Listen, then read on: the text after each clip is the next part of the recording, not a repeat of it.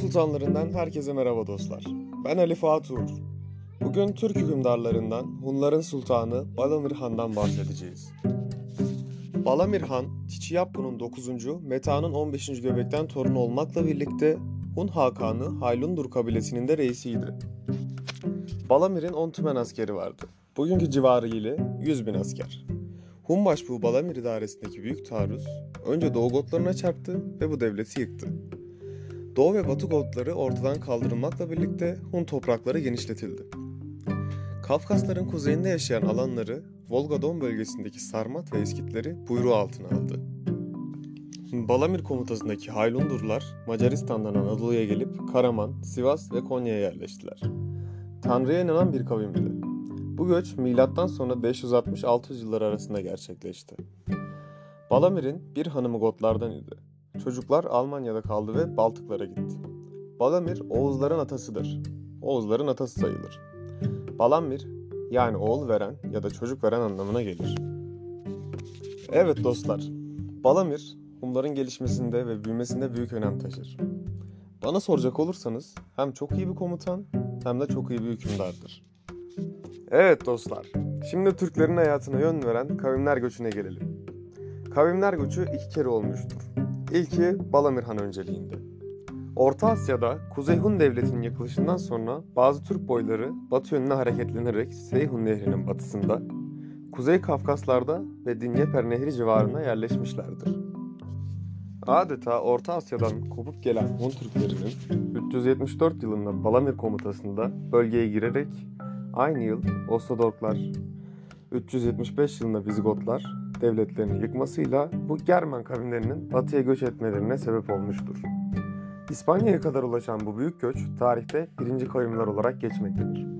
Ve bu birinci kavimlerin göçüne öncelik eden de Balamir Han'dır. Kavimler göçünün ikinci komutanlığını ise Ulduz yapmıştır. İlk kavimler göçünden sonra Roma İmparatorluğu ciddi şekilde zararlar almıştır. Tahmin edersiniz ki. Roma İmparatorluğu ikiye bölünmüştür. Doğu ve Batı Roma olarak. Balamir ise ilk başta Doğu Roma'nın üzerine seferlere başlamıştır. Doğu Roma'yı büyük bir şekilde himayesi altına aldıktan sonra Batı Roma'ya doğru yönelmiştir ve Batı Roma'da yıkılmıştır. Baktığımızda Avrupa Hun devleti gitgide gelişmekte ve büyümektedir. Balamir Han bazı devletleri himayesi altına almakla birlikte fetihlerde de bulunmuştur. Ve bununla beraber gelir, toprak, tarım, asker gibi durumlarda gelişme kat edilmiştir. Balamir Han, Türklerin dünya siyasetinde söz sahibi olmasını sağlamıştır. Bir Türk hükümdarı nasıl olması gerektiğini sorarsak Balamir Han'a bakmamız yeterlidir. Bir Türk hükümdarının nasıl olması gerektiğini bize gösterir. Korkusuz, cesur, iyi kararlar alabilen iyi bir komutan ve iyi bir hükümdardır. Balamir Han yaptığı başarılı seferlerle ve kavimler göçüyle birlikte Türk tarihinde önemli bir rol oynamaktadır. Roma İmparatoru'yla savaşta olduğumuz zamanlarda ise Balamir'in şöyle güzel bir özelliği öne çıkıyordu. Balamir düşmana çok iyi davranırdı.